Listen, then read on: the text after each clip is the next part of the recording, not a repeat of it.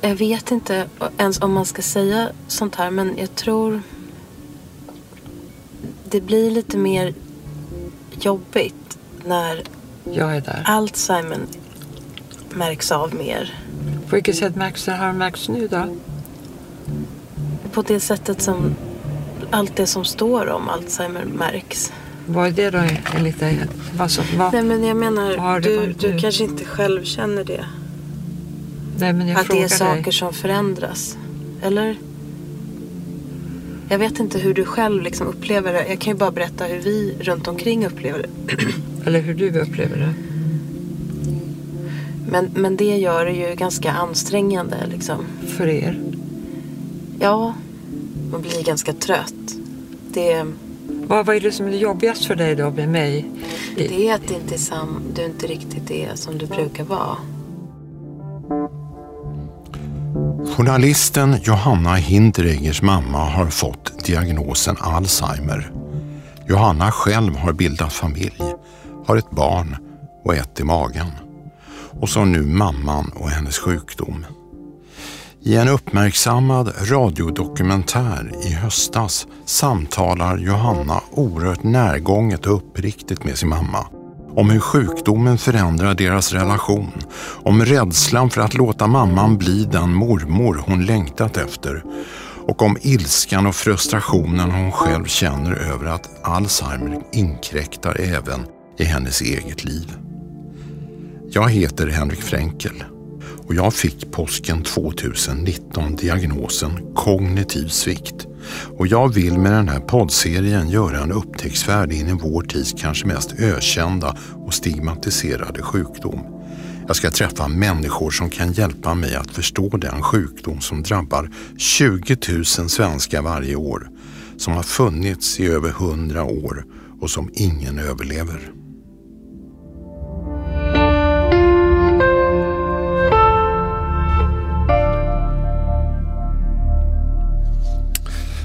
Och här i studion har jag journalisten Johanna Hinteregger.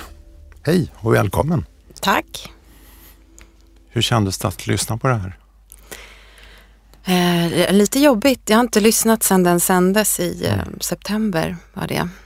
Ehm, och jag... Det här var ett... Eh, det var i slutet på dokumentären och vi sitter i en bil och väntar på en parkeringsplats. Och det är något vi har gjort hela livet, jag och mamma. Ehm, för det finns så få parkeringsplatser i Gamla stan. Ehm, men det är en väldigt bra plats att prata, bilen. Och där hade vi en väldigt fint eh, samtal kring det här. Vi ska lyssna lite mer på det lite senare. Eh, I höstas så sändes då din radiodokumentär Innan mamma glömmer. Eh, som vi då hörde en bit av här i inledningen. Och det är en ovanligt rak skildring av ovanligt raka samtal med en mamma som vägrar acceptera att hon fått Alzheimer och sakta är på väg in i demens. Varför ville du göra den här dokumentären om din mamma? Ehm, Det började för att jag ville spela in oss och spela in min mamma för att mitt barn skulle kunna lyssna på det. Jag väntade mitt första barn eh, när mamma fick diagnosen. Och eh, jag fick en eh, väldig rädsla att min dotter då aldrig skulle få eh, förstå min mamma eller veta vem hennes mormor var.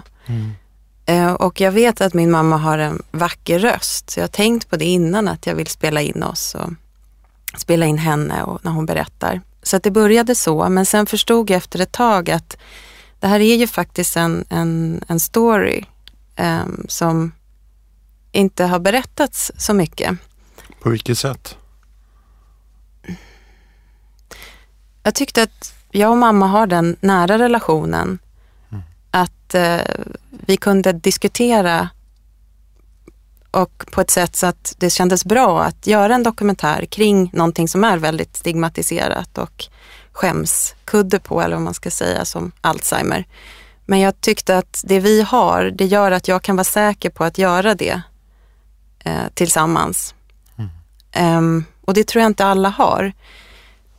Så att jag kände att ehm, det fanns någonting viktigt att berätta om hur det är när någon försvinner sakta.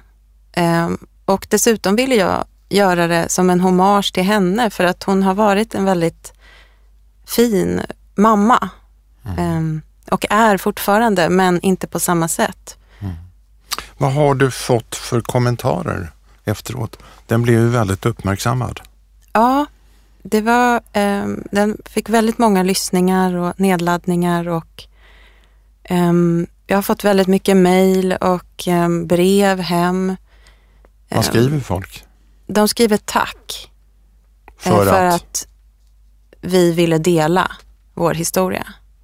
Det är väldigt många som är drabbade på samma sätt. Mm. Dels som anhöriga men också som sjuka. Men det är främst anhöriga som har hört av sig. Men också andra som kanske har upplevt sorg i sitt liv eller också många som tyckte att det var fint att höra vår relation. Mm. Som ju skildras, eh, det handlar inte bara om Alzheimer, det handlar ju om vår kärlek till varandra också. Mm. Och mor och dotter i gungning, men vi är likväl mor och dotter och det tror jag många har tyckt om att höra bara våra samtal och mm. att man kan känna varandra så väl och tycka om varandra så mycket. Mm. Jag själv satt i en bil eh, i Stockholm. Eh, jag körde runt, skulle åka till mitt garage och sen helt plötsligt så hörde jag då din dokumentär. Och eh, jag hade inte en aning om vad det skulle handla om, men jag förstod att det var Alzheimer. Då blev jag nyfiken. Och jag kunde inte sluta lyssna utan jag körde eh, runt halva Stockholm bara för att lyssna färdigt. Eh, och eh, jag tycker vi ska lyssna på en bit till i eh, den här dokumentären. Min mamma är konstnär och bor i Gamla stan, mitt i Stockholm. Jag är hennes enda barn och hon har ingen man. Om hon är sjuk finns bara jag. Men så har det alltid varit. Det har alltid varit mamma och jag. Men jag vill ju vara en bra mormor, men du är säkert så orolig så vågar inte släppa mig med, med ditt barn. Får vi se. Det får vi se. Jag tror faktiskt att jag kan vara en bra mormor. Det tror jag med. Ja, just det. Jag är gravid också. Om två månader ska jag själv bli mamma för första gången. Men jag tänker så här att... Att jag tycker det är så himla orättvist. Ja, men just nu så klarar du det om du får lite hjälp, lite hjälp av mig. Men jag tänker om ett år, hur ser det ut då? Kommer du kunna hitta hem? Det tror jag faktiskt Jo, men om du inte gör det så är det jag som måste hjälpa dig att... Förstår du vad jag menar? Det, det hemska är ju då att då måste jag in på hem. Men jag vill inte vara på Silviahemmet eller något sånt. Där är säkert dödtyst. Ja. Jag är bara rädd att det ska bli som en mormor för då gick det ju liksom bara inte. Det var ju... Och kom du ihåg, Patrik hade ju bara mormor att tänka på då. Det är det jag menar med att det känns orättvist. Jag känner så här, nu har mitt liv kommit igång. Nu... Och så ska jag försvinna i princip. Ja, och samtidigt åsamka mig då en massa, en massa jobb, en ja. massa tid. Ja, precis. Men jag tror gärna, jag tror faktiskt att, att jag tror inte jag är på väg ut, ut nu. Det är jag inte. Mänskligt och så, det tror jag faktiskt inte gärna. Man behöver inte vara så rädd för det här är ju livet på något sätt. Nej men jag tycker det är orättvist också för att jag vill att mina barn ska få vara med dig. Mm.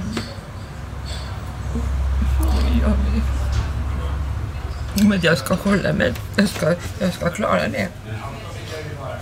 Att jag gör det, Johanna. Att jag gör det för jag gläder mig så mycket och jag är inte dum i huvudet. Jag ser ju också mina tillkortakommanden.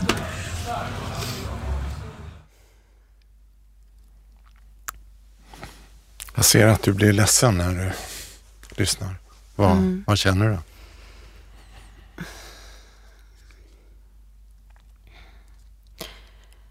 Um, jag tycker att det uh, hon är fin att lyssna på tycker jag, mamma. Och att hon har det här uh, hoppet ändå. Att, uh, ja, och en klokhet att det här är livet. men också att jag sitter med insikten att hon inte riktigt förstår vad det är som håller på att hända. Mm. Ehm, då är det ju lätt att säga, det här är livet. ja, men det är ju så jäkla orättvist liksom. Berätta lite mer om din mamma. Vem är hon? Ehm, hon är konstnär och eh, gymnasielärare också. Ehm, och ehm, hon fick bara mig som barn. Och eh, hon var eh, runt 40 när hon fick mig, så hon fick mig ganska sent. Och jag kommer ihåg att jag har alltid upplevt alla andras mammor som så stressade. Ehm, jag har inte riktigt förstått det där med stress. Och det var för att hon, hon hade tid. Hon tog sig tid med mig. Och jag tror eftersom hon var lite äldre så hade hon hunnit med så mycket också. Så att hon var inte så stressad över andra saker. Men ehm, mina föräldrar levde inte tillsammans. Så att ehm, jag har alltid bott med min mamma. Så det har ju alltid varit hon och jag. Och det har varit en, en barndom fylld av mycket um, lek och eh, skapande och så eftersom hon jobbade mycket med konst hela tiden. Det var väldigt mycket frihet. Eh, jag fick bestämma väldigt mycket och jag blev nog snabbt en ordningsamma också. Mm, Men det känns som ni är väldigt nära varandra också. mm, väldigt nära. För Mm. nära. Mm, säkert. Det, det, känns, det kan kännas så nu. Mm. Du, du sa till mig innan att eh, ni levde i symbios. Hur, men, hur menar du?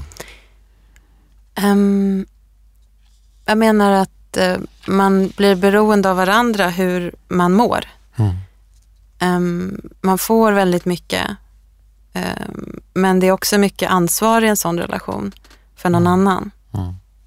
Mm.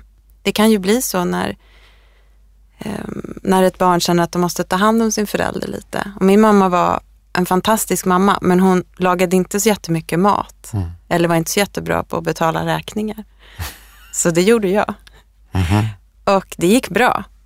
Ehm, men ehm, det blev väldigt tydligt när hon blev sjuk att, ehm, att jag blev väldigt frustrerad över att nu skulle jag ta hand om henne ännu mer.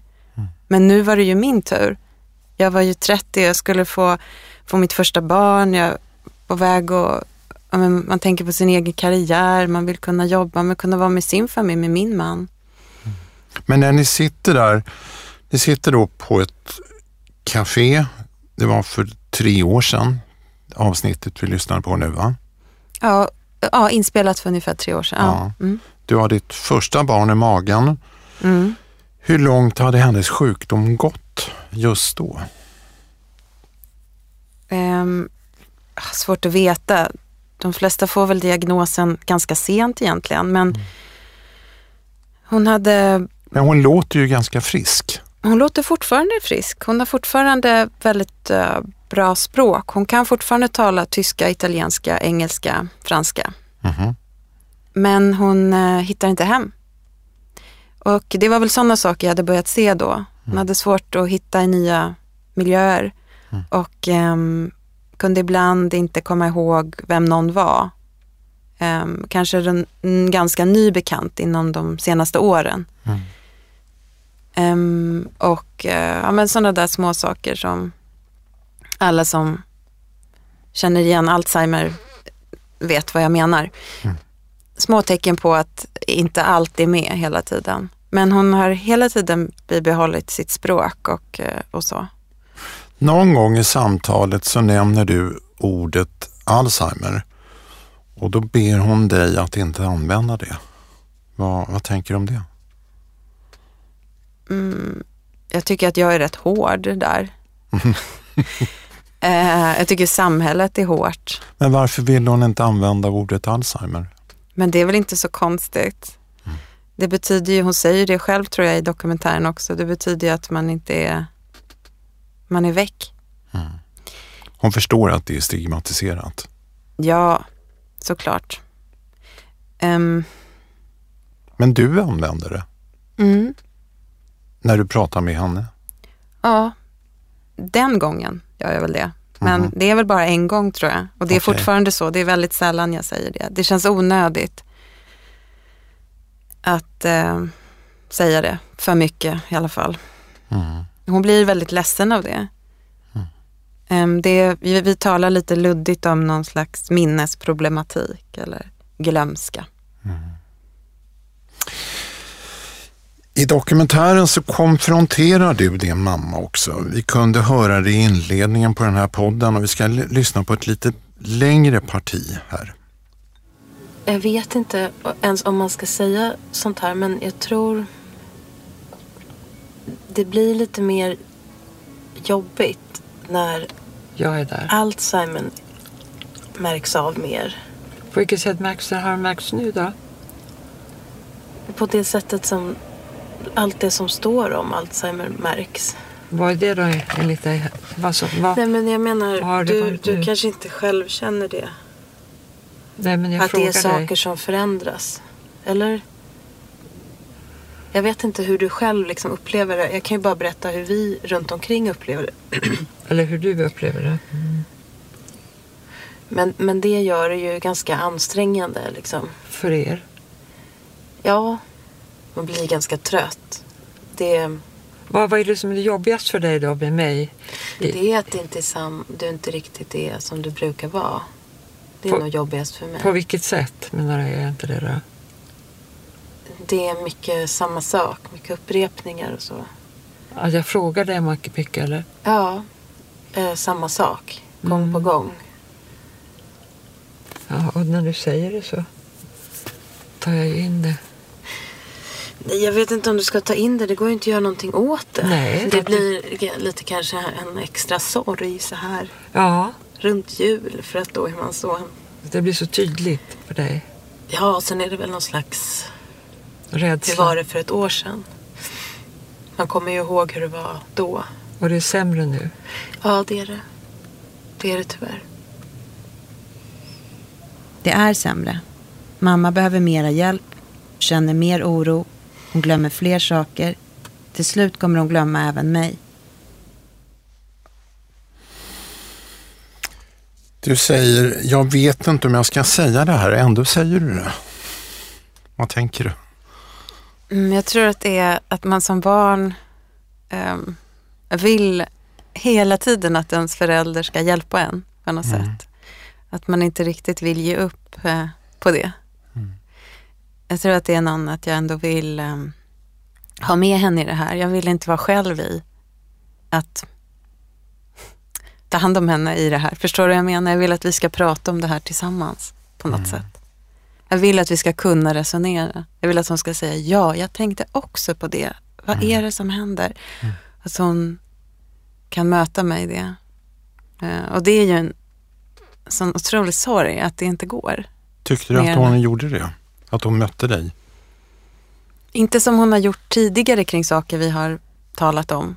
Men hon försöker ju. Och det är Ja. också väldigt fint att höra tycker jag. Att hon låter mig ehm, slå liksom, på henne och på sjukdomen. Hon Mm. låter mig göra det. Hon går inte i sån här försvarsställning utan hon, hon låter mig liksom bearbeta det. Så. Det är nog inte många som klarar det när man själv är sjuk. Ehm, att låta ändå mig få vara arg och ett barn, Mm. frustrerad. Alltså din, din egen ilska och sorg och frustration går ju som en röd tråd i era samtal. Varför var du så arg? Mm, ja, jag tror jag var arg av många olika anledningar men eh, att någon jag älskade så mycket skulle försvinna. Ehm, jag ville att hon skulle göra ett stort intryck i framtiden också på min dotter då som jag väntade och ja. Och sen var jag arg för att, eh, som jag säger också, att, eh, att det är ju bara jag. Hur kunde du planera så dåligt? Varför har du ingen man? Varför har inte jag någon, något syskon? Eller varför har du inte ett supernätverk av vänner som tar vid? Varför är det bara jag? Ehm,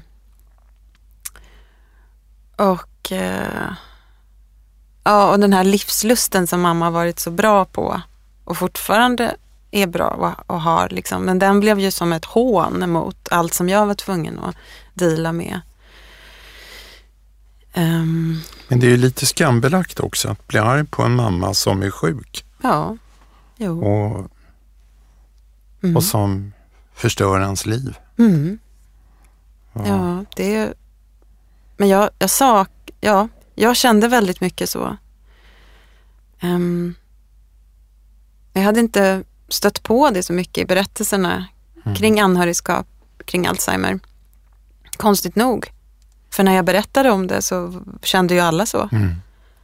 Um, men allt man fick läsa var bara, upp, säg inte att personen i fråga har upprepat det innan. Mm. Eller um, försök istället att prata om något trevligt. Man bara, det här är inte vem som helst, det är min mamma. Och, ja. Mm, så det var en viktig sak när jag gjorde dokumentären, att jag ville ha kvar det. Att um, Jag ville att jag skulle framstå som, som det var. Inte försköna den bilden. Mm. För det tror jag inte hjälper så mycket för, mm. för anhöriga som, som vet hur det är. Tvekar du om du skulle ta med det här? Därför att det, det, det ger ju en bild av dig också. Folk kanske tänker att du är ovanligt hård och konfrontativ. Mm. Uh, vad tänkte du om det? Jo, jag var orolig för det. Mm. Um, det var jag. Men sen så kom jag fram till att uh, om man ska göra det ska man göra det på riktigt. Mm. Och det tror jag min mamma också sa.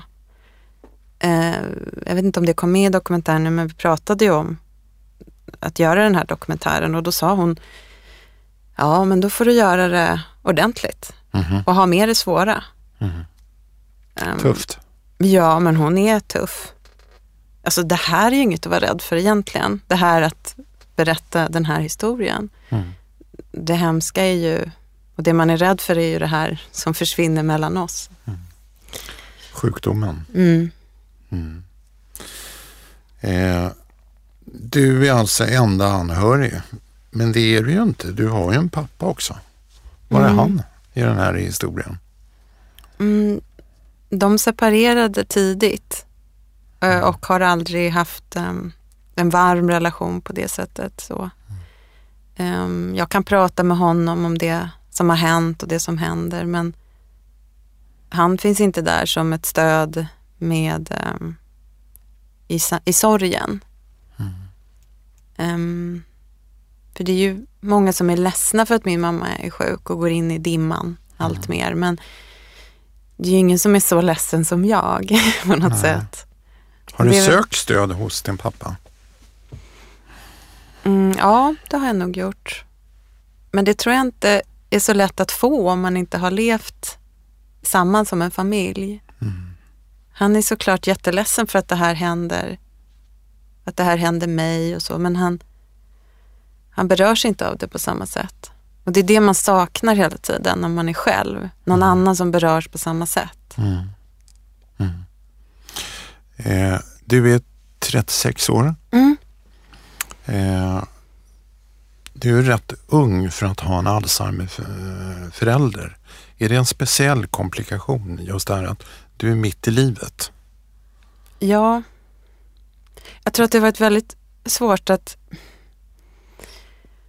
Ehm, jag hade ju helst velat ta hand om min mamma. Ja. Alltså vi har ju den nära relationen. Jag vet inte, man stöter inte på den så ofta i Sverige, Nej. men i andra kulturer kan jag känna mig mer hemma. Mm. Ja, jag vill typ köpa ett hus eh, någonstans och så vill jag att mamma ska ha, mm. Få bo där med mig och min familj. Mm.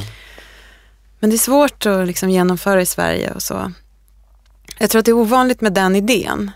Mm. Eh, om man var så nära någon och ville ta hand om någon och känna att man har ett ansvar också att göra det. Um, och att man är samtidigt att jag har ju ansvar över uh, min dotter mm. och um, min man och vårt mm. gemensamma liv och jag jobbar.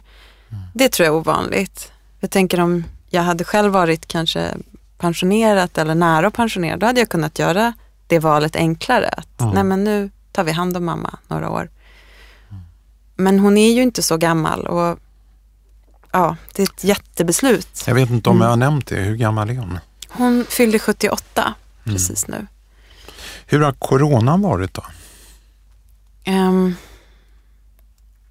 För er två? Ehm, den har varit ehm, helt okej faktiskt. Alltså jag tog det beslutet ganska snabbt i våras att vi måste ses ändå. Vi får, vi får göra ett undantag. För att hon klarar sig inte utan, utan mig, utan oss.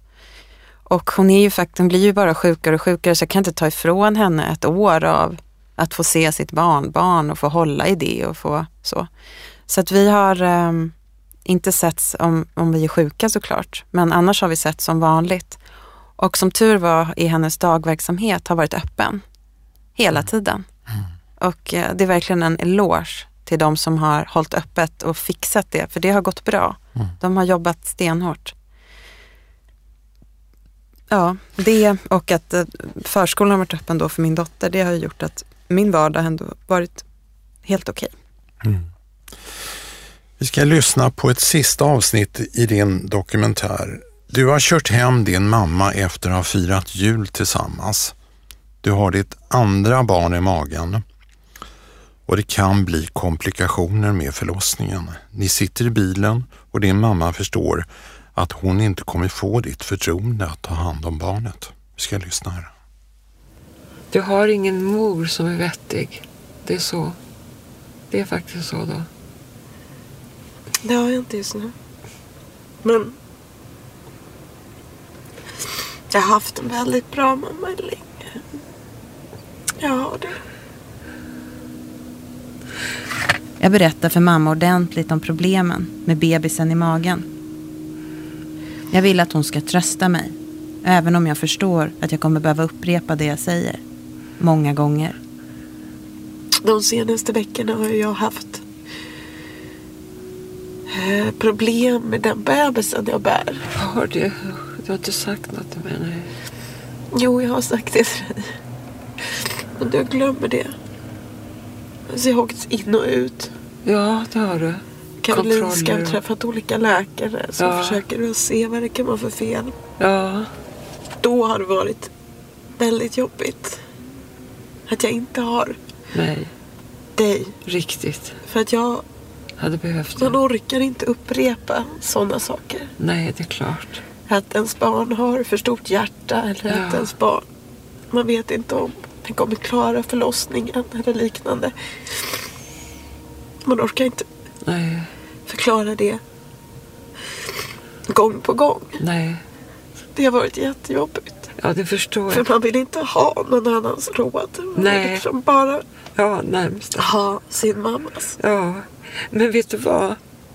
När jag gick ifrån er då, när jag tror att ni hade varit på sjukhuset och sen så berättade du det ungefär. Och, och då kände jag med, med samma att det skulle bli min för, första sak att finnas till för det barnet. Och att jag, Jo, men men du menar att jag inte klarar det? Nej, det gör jag ju jag inte. är jätteledsen men jag tror inte det. Nej. Jag tror att Nej, jag tror inte heller att jag kan. Jag kan ju inte ta hand om det.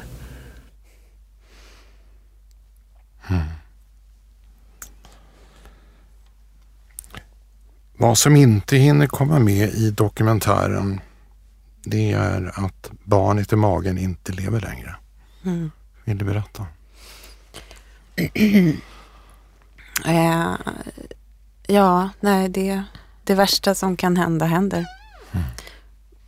um, vi, um, hon friskförklaras i magen efter några månader, efter några veckor efter att vi spelar in det här. Um, så ser allt bra ut igen. Men sen när hon kommer på utsatt datum, en helt normal förlossning, så visar det sig att hon är väldigt sjuk ändå. Så att hon eh, överlever bara några timmar. Och det är ju en helt eh, annan sorg eh, såklart. Och vi sörjer henne hela livet. Ehm, det blev väldigt berörd av att höra det här nu, för jag har inte lyssnat, att jag säger det så tydligt också. Att de kanske inte klarar förlossningen. Du förstod det, eller? Det var det man sa då. eh, under det att jag, eh, under de läkarkollerna som var då. Men sen så var ju allting grönt. Sen sa de ju, det är ingen fara, hon ser jättebra ut nu. Det var bara, hon fixade det själv. Och det gör ju 99,9 procent av barnen i magen. Mm. Men hon gjorde inte det sen. Hon var sjuk. Ehm, Det är svårt att inte bli berörd. Jag, jag är Mm. själv morfar och farfar så att jag, jag lever nä, nära det här. Flickan har ett namn, Ester. Ester. Hur, hur, berä, hur berättar du det här för din mamma?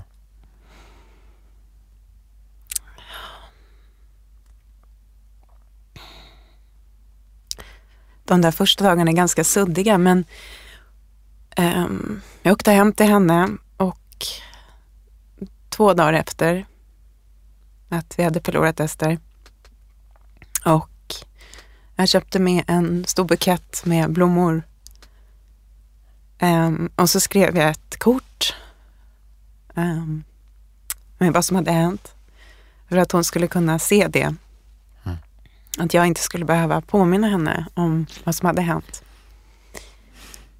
Men sen var det väldigt svåra veckor eftersom jag behövde ju min mamma och hon behövde mig. Men däremellan stod ju den här sjukdomen, eller står fortfarande, och försvårade det här att man, hon förstod ju att någonting hade hänt men hon glömde precis vad det var och att som nyförlöst mor att berätta i detalj vad som har hänt hela tiden, det, det orkar man ju inte.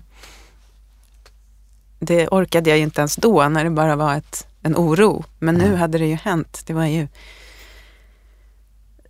Så det var ett himla...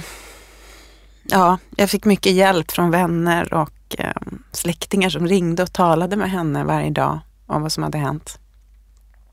Och då skulle säkert någon expert på Alzheimer säga, det hade varit bättre att inte säga något. Mm.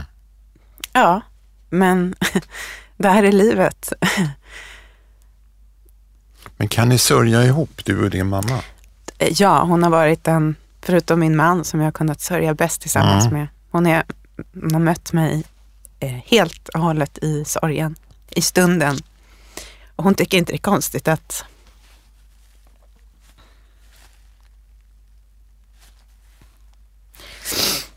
att det kommer över en igen flera månader efter. Mm. På det sättet är ju Alzheimer bra, att man lever ju väldigt mycket i nuet. Mm. Så för henne är det eh, lika jobbigt Mm. nu som det var då. Men jag måste påminna henne.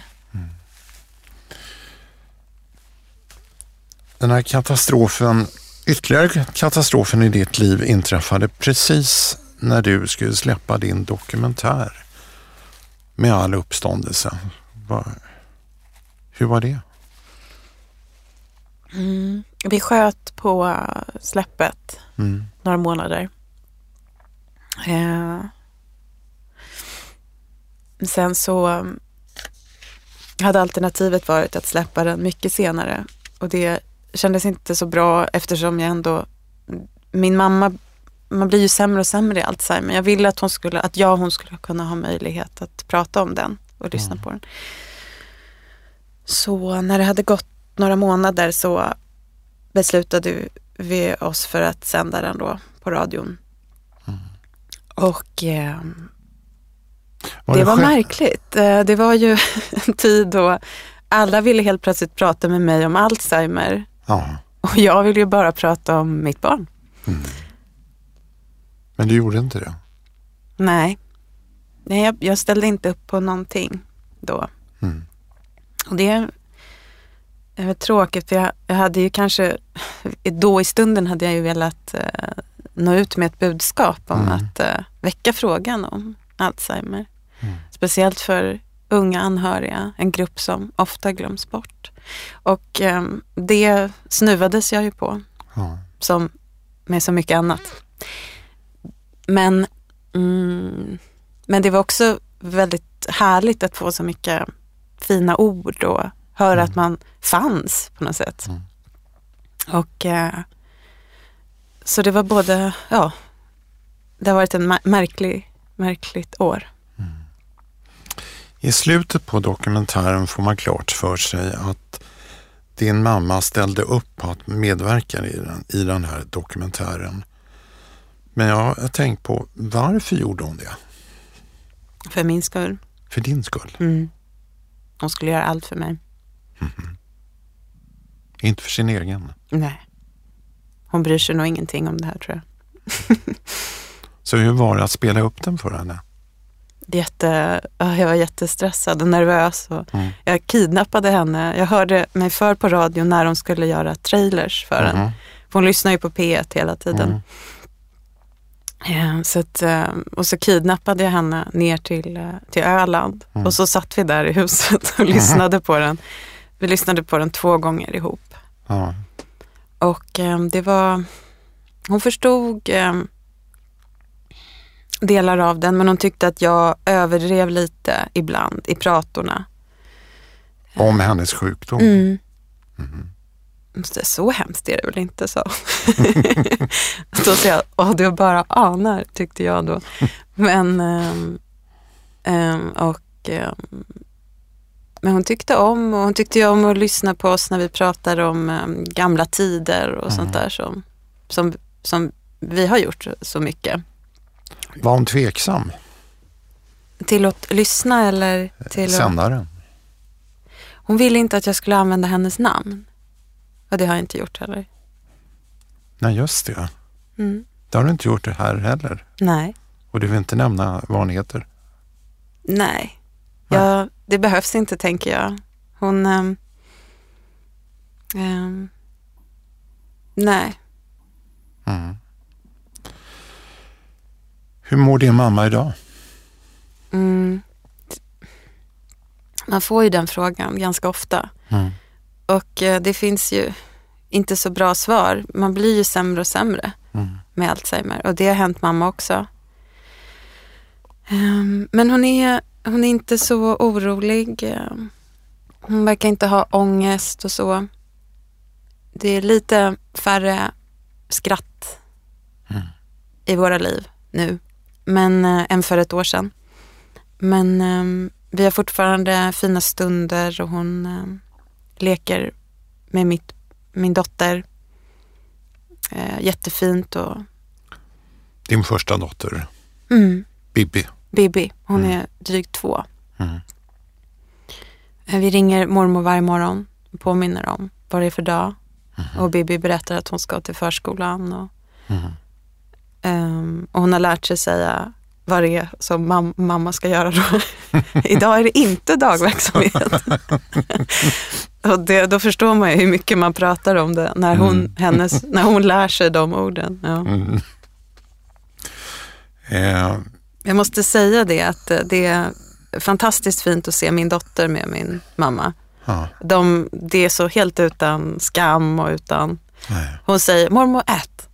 Mormor knäpp bältet. Knäpp bältet. Hon håller på tills mormor knäpper bältet. Ehm, och eh, hon tar, det är väldigt fint. Eh, men hon bor hemma. Ja, precis. Hon bor fortfarande själv hemma med Let- hemtjänst. Letar ni efter boenden? Jag är precis inne i det nu att jag har besökt några boenden.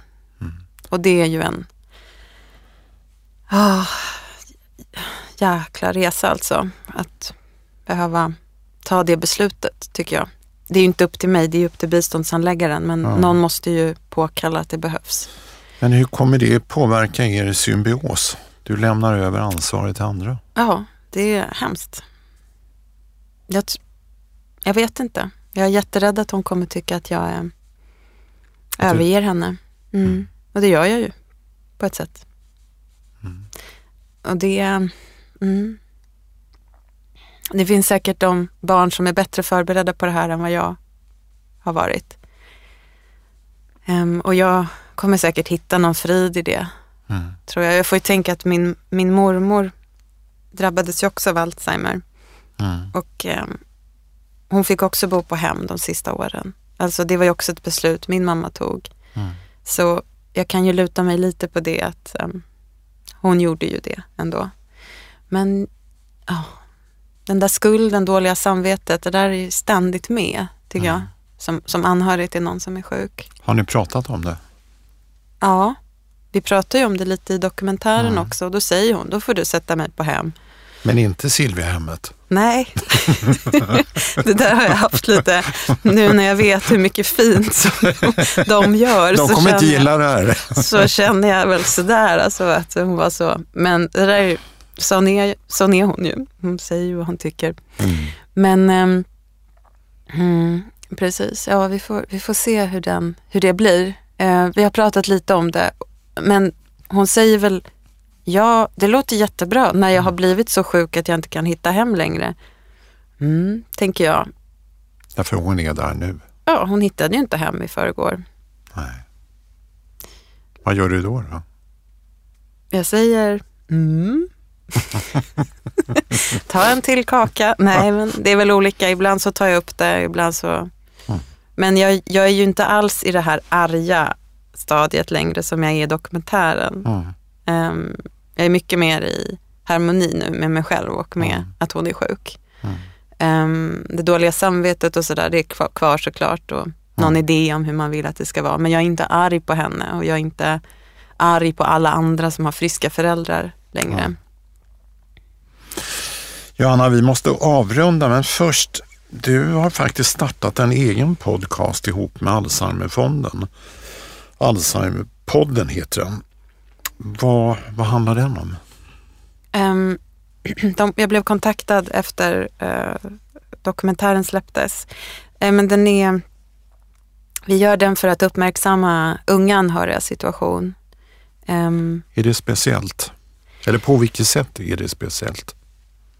Det är ju speciellt, lite som vi har varit inne på, att man själv är mitt i livet och eh, jobbar som mest, har kanske små barn, har eh, partner, eh, hus och hem som man behöver ta hand om och kanske hade räknat med sin förälder som en kraft istället.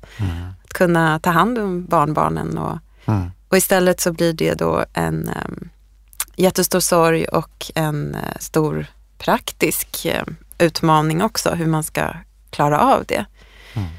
Ehm, för det är ju inte riktigt så att någon ringer och bara, ja men då tar vi hand om din mamma nu och sen så när det blir eh, tillräckligt illa då hittar vi ett jättefint hem till henne där hon kommer trivas. Så det är inte så det ser ut i Sverige Nej. med vården. Utan den är jätteberoende av att du har en frisk och pigg anhörig som kan liksom arbeta för dina rättigheter om du är sjuk. Och det är jättetungt. Och ehm, jag tänkte att det som hade hjälpt mig för då tre år sedan när mamma fick sin diagnos och när allting började. Så eh, det hade ju varit att höra fler eh, ärliga berättelser om hur det är när ens förälder blir sjuk i någon kognitiv sjukdom.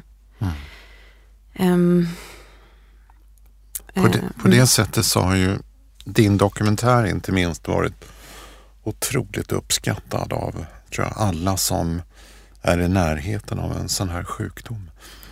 Eh, hur var det att vara här nu då? Berätta om det här. Jo, det var, det var fint. Jag tycker om att prata om min mamma. Jag tycker om att prata om mitt barn också, som ju fick en liten flik här. Ehm, men jag märker också hur berörd jag är fortfarande. Mm. Jag är glad för att du ville vara med och dela med dig. Tack Johanna och tack till alla ni som har lyssnat. Och vill ni ha ett mail när nästa podd kommer så anmäl er på poddspelare som Podcasters, då Spotify och andra. Eller varför inte gå in på min hemsida på Alzheimer Life och se och anmäl er för de löpande nyhetsbreven. Och sen tycker jag att ni ska lyssna på Johanna Hindreggers dokumentär Innan min mamma glömmer. Nej, Innan mamma glömmer heter den. Och eh, den finns på SR Play. Tack för att ni har lyssnat. Bloggen och podcasten Hjälp har jag Alzheimer har också en insamling till förmån för kognitiva sjukdomar. Podden Hjälp har jag Alzheimer produceras av stiftelsen Alzheimer Life och görs på Beppo. Beppo.